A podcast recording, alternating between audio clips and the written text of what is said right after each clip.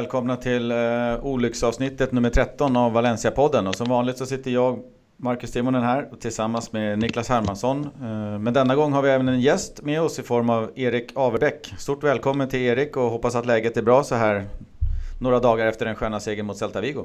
Ja, men visst är det det. Det är, det är bara fint med mig annars också. Så äh, det, det, ska bli kul att vara med. Det har jag sett fram emot. Ja, skönt. Och Niklas? Jo då, det är bara bra att vara med. Det är kul med lite gästspel i podden igen. Så att, eh, kul att Erik är med. Du kan väl berätta eh, om dig själv lite grann Erik. Din relation till Valencia och lite sådär vad du pysslar med annars.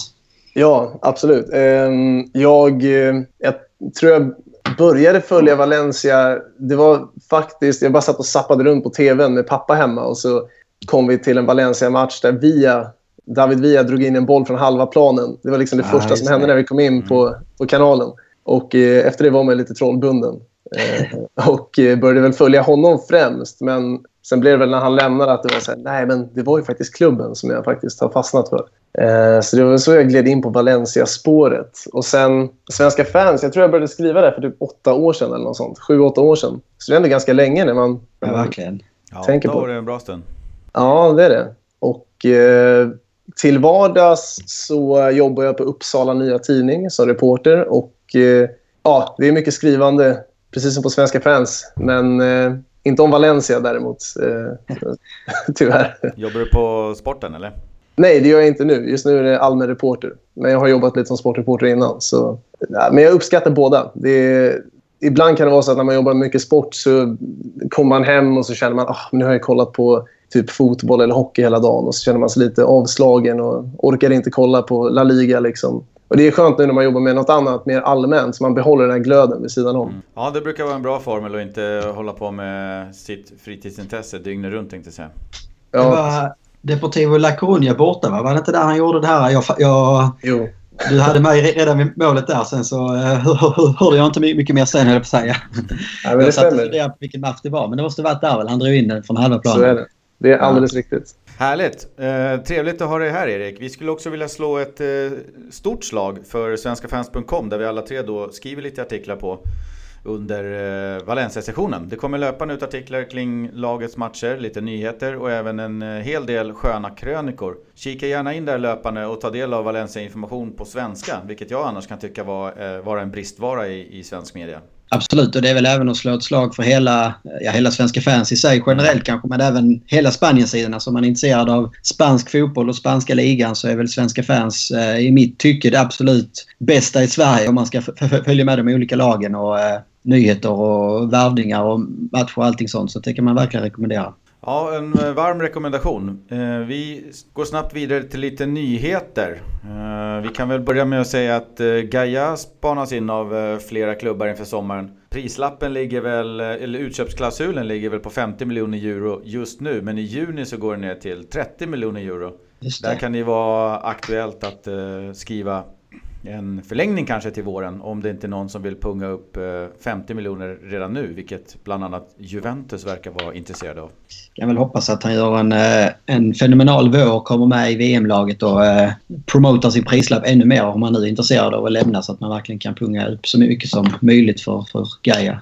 Det finns ju ganska skönt att ha en Tony Lato bakom också så att vi liksom inte står helt handfalla om det skulle vara så att Gaia lämnar. Nej, verkligen inte. Det snackades också om någon typ av paketaffär affär till Juve på Carlos Soler som har en utköpsklausul på 80. Eh, och det skulle då inbringa Valencia en bra bit över 100 miljoner euro vilket skulle kunna få fart på bland annat arenabyggen och lite annat. Så att eh, ja, vi får se hur det där går. Det är ju två attraktiva spelare på marknaden tillsammans med Gedes.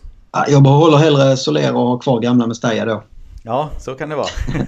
Om man får välja. Ja. Sen hade väl Arsenal seglat upp som eh, en i mängden som är intresserade av Gedes. De är inte ensamma. Det är väl eh, PSGs sak. Och... Ja, det är ja. hur många som helst. Och det är väl PSGs sak att välja vart han säljs och om han säljs. Precis, och det, är väl, det var väl det som jag förstod också. Det är, väl, det är väl det här stora intresset från andra klubbar att köpa honom så att säga som börjar göra den här lö, lö, lö, lösningen om att få honom på lån ytterligare en säsong mer och mer eh, omöjlig. Så är det.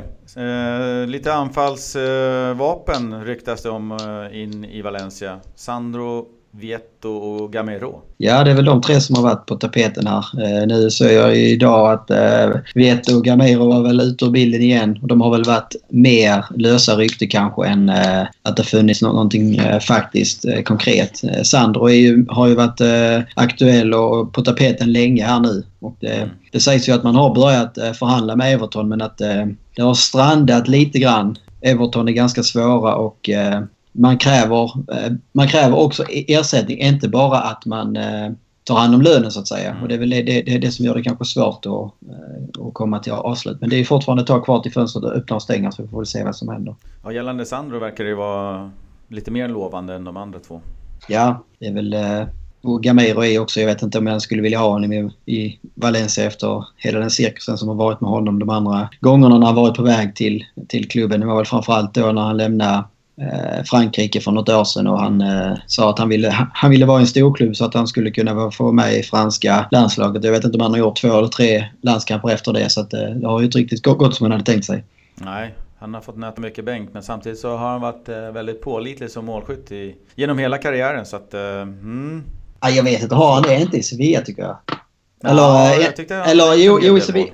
Jo, jo, i Sevilla, men jag tänker nu inte så mycket i, i Atletico Madrid ändå. Det känns som att man behöver sju, åtta chanser för att göra ett mål där. Eh, men det är klart det har väl också varit deras allmänna problem jag kanske som spökar. Ja, Gamiro har ju varit på, om jag bara kan flika in lite. Gamiro har ju varit på tapeten så länge man kan minnas känns det ju som. Eh, ända sedan innan han gick till PSG har du Precis, Valencia ja. ryckt i honom om man ska tro media. Och eh, ja, det, det, står väl nästan skrivet i stjärnorna att han då ska komma nu när de ändå har envisats i eh, ja, liksom sex år. Ja, nej, men det, var, det var väl någon som skrev det någonstans också att eh, fan vet om det inte bara är någon, eh, någon journalist som verkligen älskar Gamero som tar upp honom. Var, varje gång som Valencia ska använda en anfallare så är det samma journalist som skriver att eh, Gamero borde vara aktuell och hoppas att någon gång ska klubben eh, nappa liksom. Han trodde att inte. han hade den bomben en gång i tiden och så nu vill han verkligen få igenom den en, en vacker dag. Det känns lite så.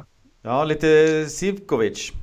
Ja, det, har väl det, det märks ju att det här fönstret närmar sig sitt öppnande för att varje dag eller varje vecka så kommer det nya namn och det blir allt eh, mer och mer i nyheterna som eh, handlar om just eh, värvningar. Eh, Sivkovic har väl gått ut och sagt ganska tydligt att han vill lämna Benfica här i vinter. Eh, det är framförallt för att han vill ha speltid under våren för att komma med i Serbiens VM-trupp till sommaren. Eh, och här har väl då Valencia visat intresse och håller väl på att undersöka möjligheten eh, om, om man kan få in någon där. En offensiv ytter så att säga. Um, annars så är det väl Ivan Barcano, backen i Porto, eh, som nu Mar Marcelino ska ha meddelat att han är 100% intresserad av så att säga. Um, där kommer man, väl försöka få in honom redan i vinter men lyckas man inte med det så kommer han ju nog eh, komma in i sommar. Mm. Eh, på andra hållet så är det väl Maximovic som inte riktigt lyckats övertyga i Valencia-tröjan.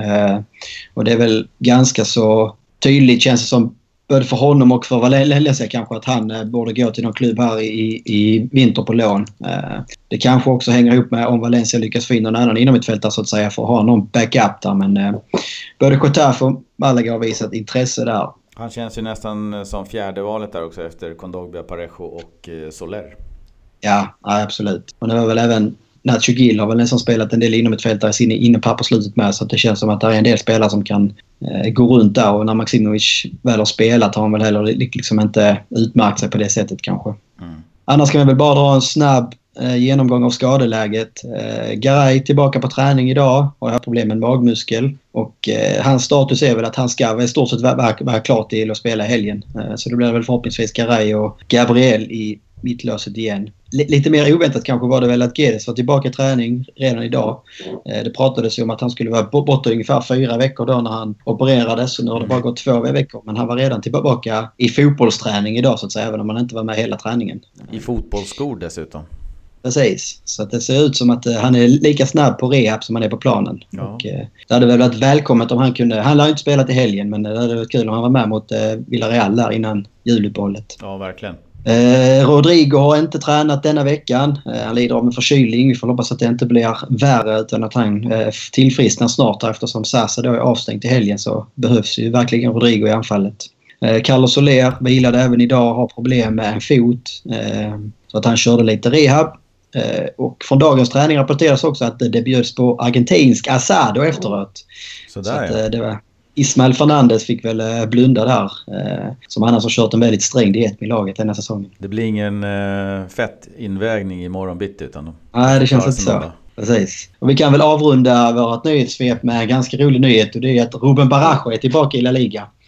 Han blev alldeles här för någon timme sedan klar som ny tränare för Sporting Gijon. Mm. Så det är lite spännande. Kan vi se han i Valencia som tränare om en två, tre år kanske? Ja, vi får se. Det, jag behåller gärna Marcelino ett tag till men uh, Barajas uh, tränarkarriär ska bli spännande att följa. Ja. Det var väl nära att han tog, eller det var snack om att han var en av kandidaterna till att ta över nu. Jag vet inte om det var i somras, men för något år sedan i alla fall. Men det är väl skönt om han får vässa sina färdigheter ett tag innan han kommer till klubben i sitt hjärta. Så han är inte på kicken direkt. Nej, de har ju haft en del eh, missöde känns det som med gamla spelare och gamla legendarer då. Kanske framförallt med Djukic som kommer tillbaka för tidigt och inte riktigt är redo för en storklubb och misslyckas helt. Och då liksom är det väl det som en del eh, kommer ihåg i hans eftermäle istället för hans fina prestationer på planen. De får hålla på med det där i Italien istället med Gattuso och Inzagis och alla de ja. Edgar Davids var väl i ett tag där också. Ja, just ja, det. Eh, sen här går vi vidare på Valencia Celta Vigo. 2-1, en riktigt skön seger. Sasa och Parejo målskyttar. Vad tycker Erik om matchen? Eh, ja, det var väl... Ja, alltså jag tyckte väl inte att Valencia var jätteövertygande men samtidigt är det ju många spelare som, som saknas som mm. Garay och Guedes. Och, jag menar, det, det är väl inte helt onaturligt att man går in i en liten dipp nu heller eh, samtidigt som man faktiskt möter ett väldigt bra lag som också har två väldigt vassa målskyttar som vi har sett i form av eh, Iago Aspas och eh, nu tappar jag namnet här. Gomes. Maxi Gomes. Va? Ja, precis. Just det. Eh, så är det starkt att ta tre poäng, även om man hade marginalerna på sin sida med Parejos straff där. Ja, och jag håller med dig. Man ska inte sticka under stolen med att Celta är ju faktiskt ett helt, helt dugligt mittenlag i år. Så att det är ingen plockpotatis att bara köra över dem på hemmaplan. Nej, det är väl ett lag som har visat bra form också på slutet här. Man mm. kryssar mot Barca omgången innan med mer smak kändes det som. Och eh, framförallt offensivt så är man ju väldigt bra tycker jag. Man har eh, väldigt intressanta och offensiva spelare som är väldigt unga också med Aspas och eh, Pisto och Vass och eh, allt de heter. Mm. Så det, det, känns som ett lag som, eh, som hotar. Eh, jag tycker att defensivt så gör man en bra match på Ledense och det krävs också när man spelar mot ett så pass starkt Celta. Mm. Annars var det väl lite märklig match. Det kändes, jag tyckte man började bra.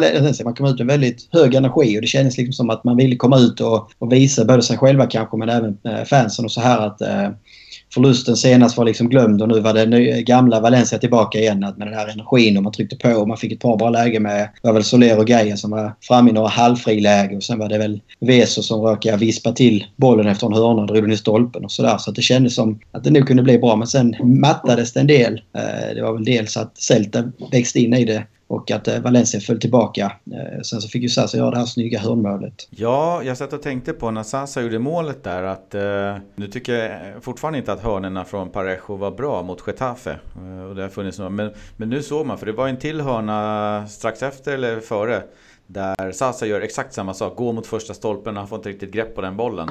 Så att, eh, det är nog en tanke med det där att de ska gå på första stolpen. Sen, Exakt, jag tänker faktiskt... få in den.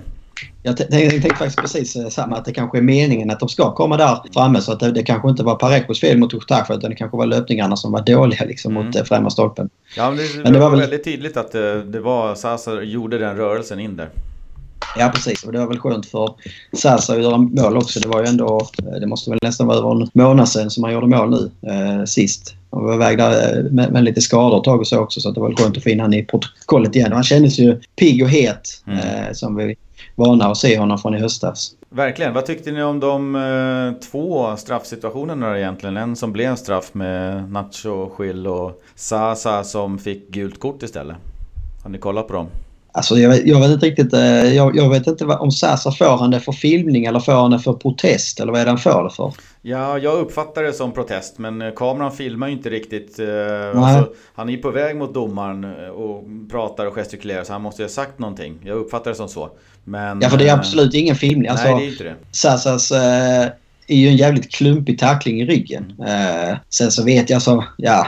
Ska man alltså, med tanke på att han blåser straff på den, den han blåser straff på Nachi Gill så är det ju nästan mer straff på Sasa kan jag, jag tycka. Den som han blåser för är ju ganska billig. Ja, så är det Jag håller med. Det, det var det, mer straff på Sasa än på Nacho. Ja, sen så är det, alltså, det är väldigt klumpig tackling också. Och på, på Nacho Gil. Alltså han, är ju, han sparkar på honom med benet. Liksom, det är ju inte någon filmning så. Gil står ju stort sett helt stilla i utkanten av straffområdet så det är en väldigt onödig tackling mm. att göra. Eh, sen kan jag förstå att, att de blir upprörda av att få en sån straff men eh, ja, den är liksom inte heller eh, som någon, var det Hugo Majolöv som sa att de blev rånade på Mestalla. Det, det, så, så grov domartabbe tycker jag absolut inte det. Det är liksom en straff som kanske fem av tio domare tar. Mm. Ja, lite så är det. Parejo upp på sju mål mot just Celta. Eh, 260 ligamatcher totalt varav 191 i Valencia-tröjan. Det är imponerande siffror. Imponerande siffror men en dålig straff tyckte jag. Det var ja. nästan att uh, han skulle tagit den faktiskt. Ja, verkligen. Men, det var ju hjärtat i halsgropen när man, innan man fattade att den faktiskt gled in under honom och in i mål. Ja, det är väl den eviga diskussionen också om uh, vad är en bra och vad är en dålig straff. Mm. Uh, en del menar på att alla straffar som går i mål är bra och alla straffar som inte går i mål är inte bra. Uh, så på det sättet så var det väl en bra straff. Ja, fast den var, den var dålig.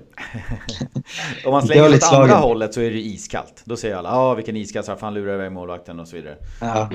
Men den, den var ju inte långt ut. Det går ju under armhålan på målvakten där. Precis. Det är det att han, han slänger sig för tidigt. Hade han inte gjort det så hade han nästan fått den perfekt på armarna eller handen. Ja, apropå, det, det apropå målvakter där. Eh, hade Neto stått hade han tagit den i det målet. Eh, vilken monsterräddning han gör. Ja, det får man säga. Han är väl nästan eh, vid ena stolpen och reflexräddar den på Aspas nick där och får ut den till hörna. Eh, jag såg väl, det var väl någon artikel nu också i spansk media som eh, var väl utnämnd här till en av, var det topp fem av målvakter i världen. Så det är kul att han, han borde ju också kunna ta en plats i Brasiliens VM-lag till sommaren kanske. Ja, det får mm. man hoppas. Jag vet inte, vem är det som är första målis i Brasilien nu för tiden? Någon är det Taffarel eller vem är det? är det Ederson i City kanske? Ederson, ja, det borde det vara. Ja, ja Taffarel är tvåa då i sådana fall. Ja, Ederson det är väl också, det är klart, han är väl ingen dålig målvakt han heller men han borde absolut vara med i en, eh, i en trupp och kriga om platsen känns det som. Mm. Men som ni säger, det var ju en fantastisk räddning av Neto och han har väl lite lite att jobba i kapp efter eh, tabben mot Barcelona som visserligen räddades av domaren men eh, ja, behålla ryktet.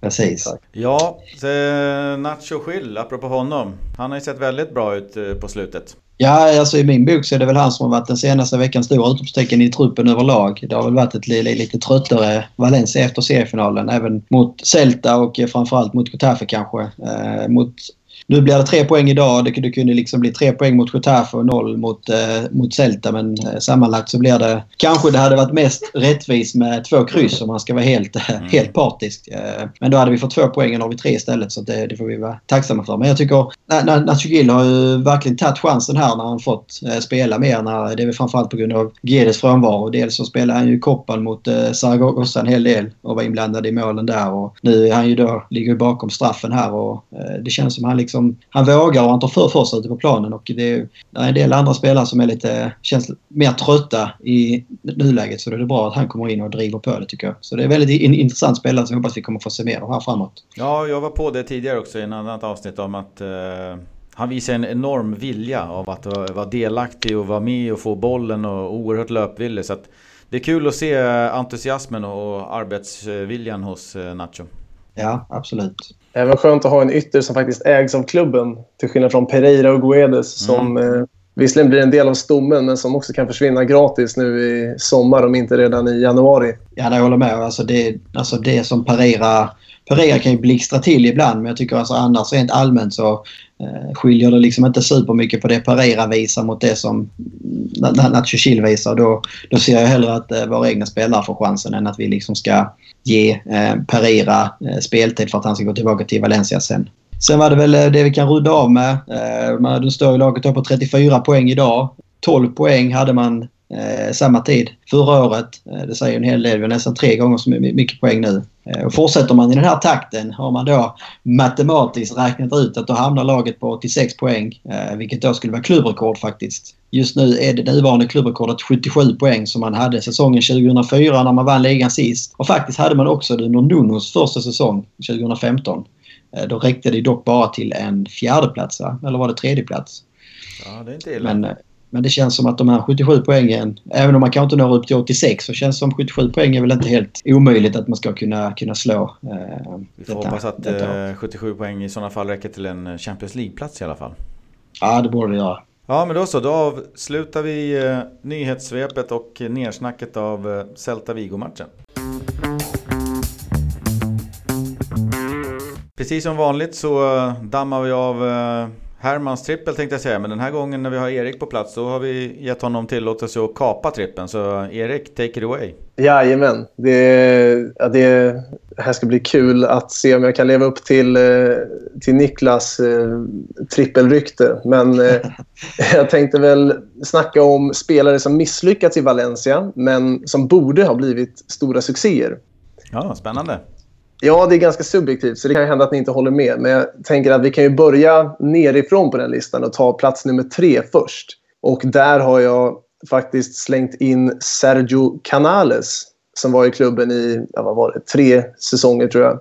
Värvades från Real Madrid. Och eh, Han hade ju enorma Silva-vibes över sig. Det var ju allt från frillan till rörelsemönstret till eh, vänsterfoten och allt sånt där. Och eh, Han kom in väldigt bra i, till en början innan han blev ja, knäskadad helt enkelt. Och det har han blivit flera gånger sedan dess. Och eh, ja, det hade kunnat bli så mycket mer av den där killen. Och eh, jag måste säga, jag hade enorma förhoppningar på honom till en början och är fortfarande lite bitter över att han inte blev så bra som han hade kunnat bli. Ja, jag har eh, minnen av honom som eh när han var i Real. De hade ju också minst sagt eh, förhoppningar på honom. Det var ju the next eh, big thing kändes som. Uh, här har vi nästa stor mittfältare och så tänkte man att när han kom till Valencia att ah, det gick väl inte att få fart på i Madrid men vi kan nog få fart på honom men det blev inte så mycket.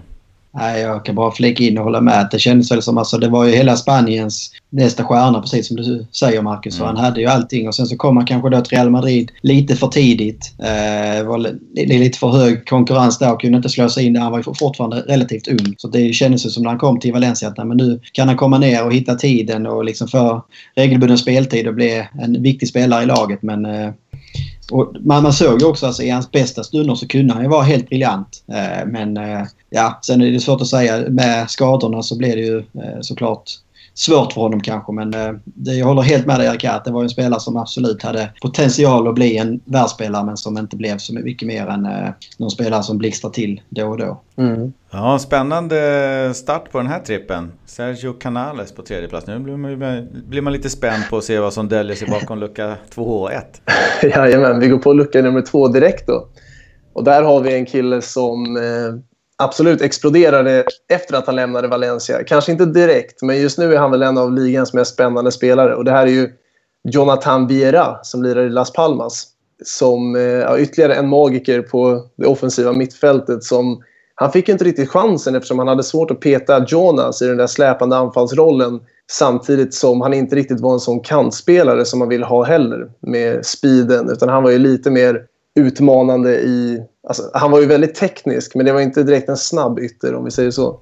Um, och han har ju exploderat i Las Palmas och visat alla precis vad man anade att han var kapabel till.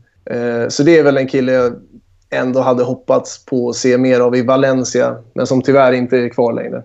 Nej, kan det håller jag med. Och det känns väl också som, tyvärr för hans del så kommer väl också in till Valencia vid helt fel period. Liksom. Det, han kom ju in precis när hela det här värsta kaoset inleddes kändes det som. Eh, och då som ung spelare, lovande spelare och inte liksom får spela på den positionen där han kanske är bäst. Det kändes väl som att eh, många sådana yttre omständigheter också gjorde liksom att han inte fick ut sin eh, potential. Det, eh, det, det ser vi nu vad han har i sig om man säger så. Ja, verkligen. Det är väl bara synd att man, man hade väl honom på utlåning först, hade man inte det? Men sen så sålde man honom permanent så det var kanske synd det. Man skulle kanske haft kvar honom på utlåning och kunnat dra tillbaka honom. Sen är frågan om han hade funkat i Marcelinos eh, speltänk på något sätt. Jag vet inte, han är ju ingen klockren eh, anfallare och han är ingen klockren ytter. Han är egentligen bäst i ett 4-2-3-1 och spelar då som här offensiva inomhittfältaren mellan anfall och inomhittfält på något vis. Mm. Precis, ja det har väl varit lite på ett sätt samma grej med Rodrigo där att man hade lite svårt att hitta hans position till en början när han kom till Valencia. Att han var mycket på kanten men det funkade inte riktigt. Och han var inte, han är, har inte heller varit en målspruta när han lirat som central anfallare. Men sen nu har ju Marcelinho hittat en bra kombo med Sasa som är lite mer en spjutspets. Så Rodrigo kan hålla sig lite bakom honom. det kanske hade varit en sån roll Vera hade funkat bra i. Ja, lite mer släpande. Nej, precis. Nej, det, det känns ju som att det fanns ju säkert mer möjligheter för honom att lyckas i dagens eh, Valencia än det gjorde i det Valencia som han tillhörde innan. Mm, Ja, spännande. Jajamän. Är ni redo för första platsen? Precis, lucka nummer ett. Och, eh, det här är en kille som eh, eh, är en personlig favorit. Som eh, jag är... Ja, den här... Ja, vi, vi gör så här, jag säger hans namn. Manuel Fernandes är spelaren jag snackar om. Som jag anser är en av de mest kompletta mittfältarna i, ja, i alla fall vad han har i sin repertoar med att han var bra åt båda hållen. Stark, stabil med bra skott och en bra passningsfot som jag för mig att det var när de mötte Barca på Camp Nou 2010 när han nästan dominerade mittfältet helt på egen hand. Och så såldes han sen för 2 miljoner euro, tror jag. Eh, vilket jag eh, tycker var ett riktigt fjall. Men eh, det här är killen som jag då tror hade kunnat ge mycket mer än vad han fick göra. Och nu är han inte kvar längre och såldes extremt billigt. Ja, vad såldes det för? Så är det 2,5 miljon? Ja, jag tror det var något sånt där. Två miljoner. Det var, Ja, det inte, var mer inte än, inte mer än det. Nej. Nej, jag håller med. Det var ju också när han kom till Valencia. Han var ganska ung när han kom också. Och pratades ju liksom också om att han skulle vara Europas nya eh, Deco eller stormittfältare liksom från Portugal. Och han, precis som du sa här mot eh, Barca så kunde han ju vara helt dominant när han var på det humöret. Så det är också lite synd att han inte hittade sin jämnhet eller liksom eh, fick ut över någon längre period på något sätt. För att det fanns ju en enorm eh, potential i honom faktiskt. Mm. Han föll väl också lite offer för andra spelare som fanns på mittfältet när han inte lyckas konkurrera sig till sig en plats riktigt. Ja, och sen så var det väl också ganska så... Eh, det var ju tufft många år där för inom mittfältarna som kom in när man hade haft Albella och Baraja där i många år och alla som, som kom in e, efter det jämfördes med dem på något sätt. Och det skulle vara de här eh, tvåvägs inom mittfältarna och Manuel Fernandes var väl egentligen, tyckte jag, var ganska så bra box-to-box mittfältare. Han var både bra eh, arbetsmässigt men han kunde ju också eh, vara var, var, var kreativ framåt om man säger så. Så att det var kanske också att han inte riktigt hade någon, någon bra partner vid sidan om sig kanske som eh, kunde underlätta för honom. Mm. Sen kom ju Banega in där i klubben i samma period och tog ju faktiskt hand om den rollen på egen hand. Så Just det var inte bara Fernandes fel, utan det har ju varit bra spelare där. Som... Ja, nej det, så är det ju. Mm. Yes, och det var väl min trippel faktiskt. Ja, vad spännande. Eh, undrar om ni håller med Erik eller oss där ute. Gör ni inte det, eller om ni gör det faktiskt, så får ni gärna gå in på sociala medier och använd vår lilla hashtag eh, Valencia-podden och, och kanske slänga in ett eget alternativ på spelare som borde ha lyckats bättre i Valencia. Jag har ju en liten bubblare som jag Ja. skulle vilja ta fram här. Det finns det Eh, alltid plats för. Det är ju en spelare som eh, Unai Emery har på sitt samvete om man säger så. Eh, och det kanske ni kan gissa vem jag pratar om då. Ooh. Isco. Ah. Just det. Han var helt briljant när han kom Mm. fram. Han var väl 17 år när han debuterade i Copa del Rey hemma på Mestalla. Han gjorde ett eh, ja, solomål kanske ett i, men han drivlade av ett par spelare och drog in den i bortre krysset i stort sett. Och alla, eller alla, men man kunde ju se vilken liksom grym talang han hade. Och det var ju verkligen en ny Silva eller en ny Aymar och ändå hade han även liksom, liksom skottet och blicken och allting sånt här. Eh, och sen liksom slarvar man bort han och han i stort sett eh, kickas ut och hamnar i Malaga eh, och gör succé där och nu, ja, resten är historia höll jag på att säga. Eh, så det är Mm. ver- verkligen en sån spelare som man ofta eh, kan tänka när jag ser Real spela och när jag ser honom de senaste åren här, hur briljant han kan vara liksom att eh, Sen att inte han hade varit i Valencia idag kanske, men man, man, man skulle liksom fått ut mer av honom än man fick, eh, kan jag fortfarande känna. Ja, det var en, en riktig tabbe att bli av med den här killen. För man hade en klausul på 6 miljoner euro eller något sånt som Malaga gick in och betalade tidigt. Jag har för mig att Manuel Llorente som var president under den perioden sa något i stil med att 6 miljoner euro är ganska bra för en kille som knappt har spelat i La Liga. Och jag kände att det är inte riktigt poängen här. Nej, nej precis. Nej, nej det var väl Llorente och Emery som eh, eh, fått ta på, på sig den tabben så att säga. Ja, han har ju blivit någon uh, måttstock nu i Real för teknisk briljans och man jämför andra spelare med om de når upp till Isco-nivåer eller inte. Eh, så att, Ja. eh, nu har han haft Mm. en fin kurva efter Valencia-stinten i alla fall. Ja, det får man säga. Sen hade han väl också, alltså han hade ju ganska länge svårt och ändå, det är väl först de sista här två, två och ett halvt åren som han liksom varit så given i Real och fått liksom sitt erkännande på något sätt. Eh, många hade ju svårt med honom. Alltså ibland så kunde han ju se lite, lite långsam och, och, jag vet inte, klumpig ut på något sätt. Men eh, nu när han fått den här rollen som han har i både Real Madrid och i spanska eh, landslaget så är han ju liksom en eh, nyckelspelare i båda lagen. Verkligen. Då så. Då syr vi ihop den där Eriks trippel så tar vi oss eh, vidare i programmet. Då avslutar vi med lite uppsnack inför eh, lördagens match. Eibar Valencia spelas på lilla, lilla Estadio Municipal de Ipurua lördag 18.30. En fin, fin fotbollstid. Vad har ni för tankar kring matchen? Nej, jag tycker det framförallt ska det bli intressant att se. Jag tycker man har gjort, är det tre eller fyra raka bortamatcher här nu som har gjort riktigt dåliga prestationer. Mm. Man förlorade ju senaste bortamatchen mot Getafe. Man gjorde två rätt svaga insatser innan där mot Espanyol och Alaves var det väl. Eh, där man då lyckades ta tre poäng. Eh, mer kanske på grund av att motståndarna var, var för svaga helt enkelt. Eh, nu möter man då ett Eibar som är betydligt bättre form. Eh, har varit eh, starka på hemmaplan. Det är väl i stort sett där man har tagit de, de allra flesta poängen eh, på sin, eh, sin lilla speciella arena. Det är väl den minsta arenan i ligan och även den minsta fotbollsplanen. Eh, så att jag förstod ju att Valencia hade väl idag tränat på, på små ytor så att säga för att vänja sig vid att eh, det kommer bli trångt på lördag. Ja, jag såg här i tabellen att de hade nästan gjort ett mål per match och nästan släppt in två mål per match. Så vi får väl tippa på 1-2 då kanske. det är lite jobbigt om man har det i snitt alltid. Och ja. Gör ett och släppa in två. Då blir det inte många poäng på slutet.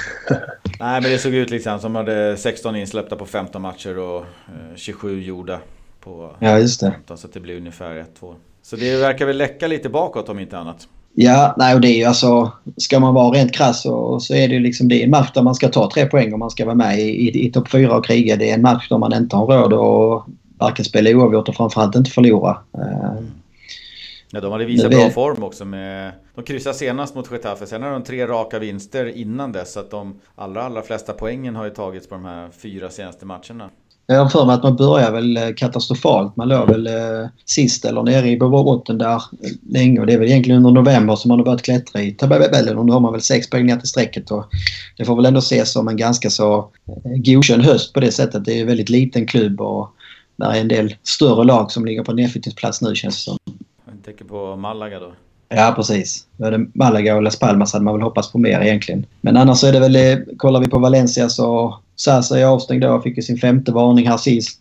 Eh, som var väl lite tveksam. Och var det för protest så var det väl det dessutom eh, lite onödigt kanske. Eh, skademässigt är det väl egentligen eh, bara Garay som kan vara tillbaka. Gedes lär inte vara tillbaka den här helgen. Eh, så det är väl frågan hur, eh, vad vi tror om en eventuell startelva. Ja, jag, det har ju varit två likadana eller identiska startelvor nu de senaste två matcherna. Jag eh, tänker väl att den kanske kommer se väldigt likadan ut om vi då byter ut Sasa mot eh, Santemina. Jag har svårt att se att det är så många andra spelare som kommer in. Det skulle vara kanske Garay då. Eh, det beror på hur eh, Marcelino behöver spela det här dragspelet. Men så mycket rotationer ska han inte behöva göra om man tänker sig att han ska ställa upp med, med bästa laget för dagen. Nej, så blir det ju. Det är ju nu är det ju bara, det är ingen cupmatch och det är bara Eh, två omgångar kvar innan juluppehållet så det finns liksom inget läge att försöka gå och vila spelare här nu eller, eller något sånt. Och det borde inte vara så mycket slitna spelare heller för att nu har man ändå haft eh, både förra veckan var, var vila så att säga och den, den, denna veckan. Ehm, så det blir väl eh, Sasa ut och eventuellt Garay in och sen får vi väl se om Nacho Gil får chansen från start eller hur han väljer att, att spela med Parira från start. Som inte varit sådär superhet på slutet. Mm. Erik, eh, är det någon spelare som du skulle vilja se från start eller ser du helst att det ser liknande ut som eh, senast? Alltså, en given spelare som borde starta är såklart Santimina när mm. Sasa är borta. Och eh, han har ju sin chans nu att visa att han inte bara är en supersub utan att han även kan prestera från start. Och just nu har han ju ett sjukt målsnitt på mm. ett mål var 88 minut i ligan. Eh, om man tittar på till exempel Rodrigo så har han ett mål var 144. Så han har varit väldigt effektiv, Santimina, men han har inte spelat så mycket heller. Eh, så det ska bli väldigt intressant att se om han tar vara på den här chansen nu när Sasa inte får spela. Ja, jag, på något sätt så, så Niklas var på det där. Eh, var det något avsnitt sen eh, när vi, eller Niklas kände att han kanske inte riktigt höll rätt nivå för att göra det här. Men någonstans så är han ändå alltid där och petar in baljer. Så vi får ju hoppas att han behåller det och sen kanske utvecklar lite andra delar av spelet. Ja, jag är fortfarande av den åsikten att jag tycker att både Rodrigo och Sasa bidrar med mer till laget egentligen överlag. Eh, sen så är det ju, det går liksom inte att bortse. Eh, som anfallare är det ju ändå en sak som man, man börjar kika på. Det är ju, gör han mål? Alltså det, det spelar ingen roll eh, hur mycket du jobbar för laget eller eh, eh sådana här saker. Utan som anfallarens huvuduppgift är att göra mål. Och Santimina har ju varit extremt bra på det. Sen så tycker jag väl egentligen att han är oftast, oftast som bäst när han kommer in som avbytare. Eh, när han kommer in när motståndarförsvararna börjar bli lite trötta. Eh, han kommer in med sin energi och sin, sitt riviga spelsätt på något vis. Och, eh, precis som ni, ni är inne på så hittar han ju ofta också Eh, ställena i straffområdet att vara på när bollen dyker ner. Och det är såklart inte bara eh, flyt eller tillfälligheter om man, om man då gör det så pass regelbundet som han har gjort under hösten. Så att, eh, det, är ju, det är ju en stor överraskning att Santimina har gjort så många mål i höst skulle jag vilja säga. Eh. Ja, verkligen. Det ska bli kul att se om han kan hitta målet igen. Vi brukar ibland nämna lite gamla Valencia-spelare som huserar i bortalaget och i det här fallet är det Eibar. Vi hittade två stycken, Lomban Spelar på, ja. i backen, eller han spelar väl på bänken mest, men han är en försvarare. Han gjorde tre matcher i Valencia 2007 och eh, målvakten Joel som fanns i Valencia 2014 till, 20, till 2017. Just det. Inte heller han lär få någon speltid skulle jag tro. Nej, det blir väl tufft. Men det, å, återigen så känns det som de andra lagen i, i toppen av tabellen börjar ju liksom vakna och alla tar, tar tre poäng nu känns det som. Så att eh, vill man behålla andraplatsen och fortsätta liksom eh, kriga med allra längst upp så behöver man slå Ibar. Kollar vi här hur det ser ut i helgen så möter ju Atletico Alaves hemma. Det borde väl vara tre poäng där. Eh, Real Madrid tar sig an Leganes borta och Barca har Deportivo hemma. Så att det känns ju som övriga toppkonkurrenter har ju också eh, på pappret relativt enkla eh, motståndare. Så att eh, ska man vara kvar där uppe i toppen när man går på julvila så behöver man nog ta sex poäng här. Och tar man sex poäng så kommer man ju också utöka eh, försprånget till Real Madrid eller minska eh, försprånget till Barca eftersom de möts i El Clasico den 23 december. Ja verkligen, ska man hålla drömmen vid liv eh, så, så gäller just de här matcherna, bortamatcherna mot Eibar och andra lite mindre klubbar. Det gäller att ta tre poäng, upp och städa av det bara och packa ner tre poäng i väskan och åka hem. Det var ju fascinerande. Jag kommer att tänka på det här nu förra helgen. Eh, med tanke på din eh, trippel förra ve ve veckan Marcus. Där vi gick mm. igenom de här konkurrenterna och så eh, hade vi inte med, eller du hade inte med Sevilla där. Om jag inte minns fel. Eh, eller hade med Sevilla var med på sista plats. Just det, så var det. Atletico 1 och Real 2, alltså i form av farligast. Så Sevilla var minst farligast.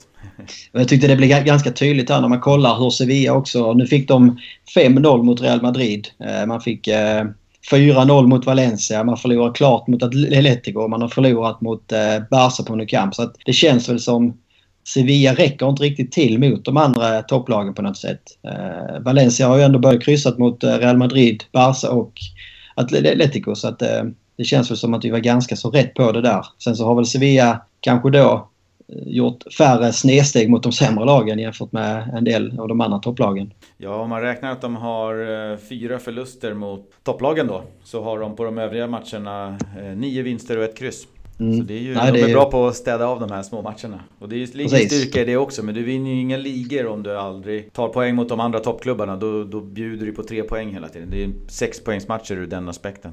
Precis. Nej, så det gäller ju liksom eh, för Valencias del att inte tappa några onödiga poäng mot lag som är på under halvan som Ibarra till exempel. Eh, för sen så har man ju då ett, ett derby som stänger eh, denna hösten mot Villarreal hemma på Mestalla i kommande omgång och det lär bli en betydligt tuffare match. Verkligen. Jag tänkte att vi går vidare till scorecasten. Den lär du vara väldigt intresserad av Niklas. Ja, det blir jackpot för mig den helgen. Ja, den första jackpotten någonsin. Ja, det Sansa som första målskytt och 2-1 till Valencia och därmed även Valencia-seger. 11 poäng mot 8. Jag som hade knaprat in tre veckor i rad. Ja, jag har känt det här lilla flöset i nacken så att jag har liksom eh, tänkt att nej, nu får vi nog fan göra ett ryck i backen här och se om du hänger med. Ja, jag, jag tappade i backen kan jag säga. ja, du gjorde en Björgen där och halkade ja. efter. Något sånt där. Eh, men jag tycker att du får väl eh, pegga upp först och komma med dina, ditt facit. Ja, kollar vi om man ska motivera här så kollar vi Eibar. De gör väldigt lite mål. Eh, de släpper in en hel del. Valencia har väl inte riktigt varit sådär sprakande de sista matcherna som, som man var för en månad sedan kanske. Men jag tror att nu fick man en seger senast. Man fick den arbetsron som det gav efter förlusten mot Getafe och nu börjar man liksom tror jag ser, ser framåt mot att stänga hösten på bästa sätt och gå till vintervila med 40 poäng och minst en andra plats. Så jag, jag tror det blir en eh, relativt stabil seger. Eh, jag tror vi kan skriva en seger på 0-3 eh, och Santimina gör första målet. 0-3 och Santimina, som vanligt. Jag, jag tar dina tips varje dag i veckan. Det, det låter underbart med 0-3 och Santimina. Däremot så jag känner mig lite mer försiktig. Jag tror att de eh, får ta på blåstället och eh, kriga till sig en 1-0 eh, seger. Och då mycket tack vare Rodrigo som Aha, första ja. målskytt. Just det. Vad har vi för Erik? Du får ju också kliva in såklart och lägga in ett yes. tips. Nu har du hört facit jag... där, alltså är, du kan hitta 0-3 och Santemina om du vill. Men... Precis, jag hade ju jag hade faktiskt tänkt att sätta en 1-0-seger, men nu tog du det. Så jag säger 0-2 istället. Men jag behåller min målskytt. Och jag tänker att det är Kondogbia som kommer panga in både bollen och målvakten i nätet.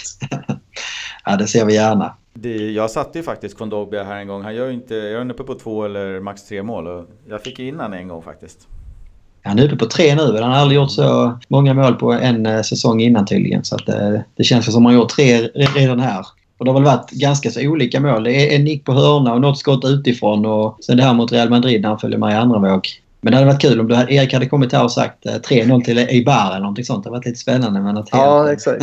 och ännu värre om man sätter den också så att det blir 3-0. Ja, precis. Förlust och 3-0 och det är bara Erik som är glad för ja. tipset. Rätt. Ja, men då så. Det börjar lida mot sitt slut. Vi kan väl lite kort pusha som vanligt för eh, Facebook, Twitter och Instagram under namnet eh, Valencia-podden. Vi fick några nya följare där på Facebook, så fortsätt eh, hänga med oss. Och samma på Instagram där vi lägger upp lite matnyttig information. Eh, och sen kan vi väl påminna igen, vi pushade lite kring svenska fans i början. Så vi gör väl det här nu igen. Erik, är du nöjd med podden? Ja, men det med? tycker jag. Det var riktigt kul att vara med. Det, det här får vi göra igen. Ja, det tycker jag. Vi har ju Absolut. inte haft jättemånga gäster. Du är nummer två hittills. Så får vi se. Vi får väl ta in väldigt, en gäst då då. Väldigt tunga namn än så länge. Jocke Björklund och Erik Avebäck. Så det blir liksom eh, stora skor att fylla för gäst nummer tre känns det som. Ja, herregud. Finns det några där ute som fyller de skorna? Ja, det är väl om vi skulle kunna få in en David Villa eller Mendieta eller någon sån här kanske som skulle kunna vara närheten. ja, tar du första kontakten där då? Ja, jag jobbar på det. Ja, har det. Får ja, men, ja. gå till någon klubb i Middlesbrough eller någonting där Medieta kör sitt eh, DJ-pass och försöka nå honom där på småtimmarna kanske. Du önskar en låt eller någonting. ja. Ja men då så, då tackar vi för oss för denna gång avsnitt 13 med ett sedvanligt eh, Hasta luego. Hasta luego. Hasta luego.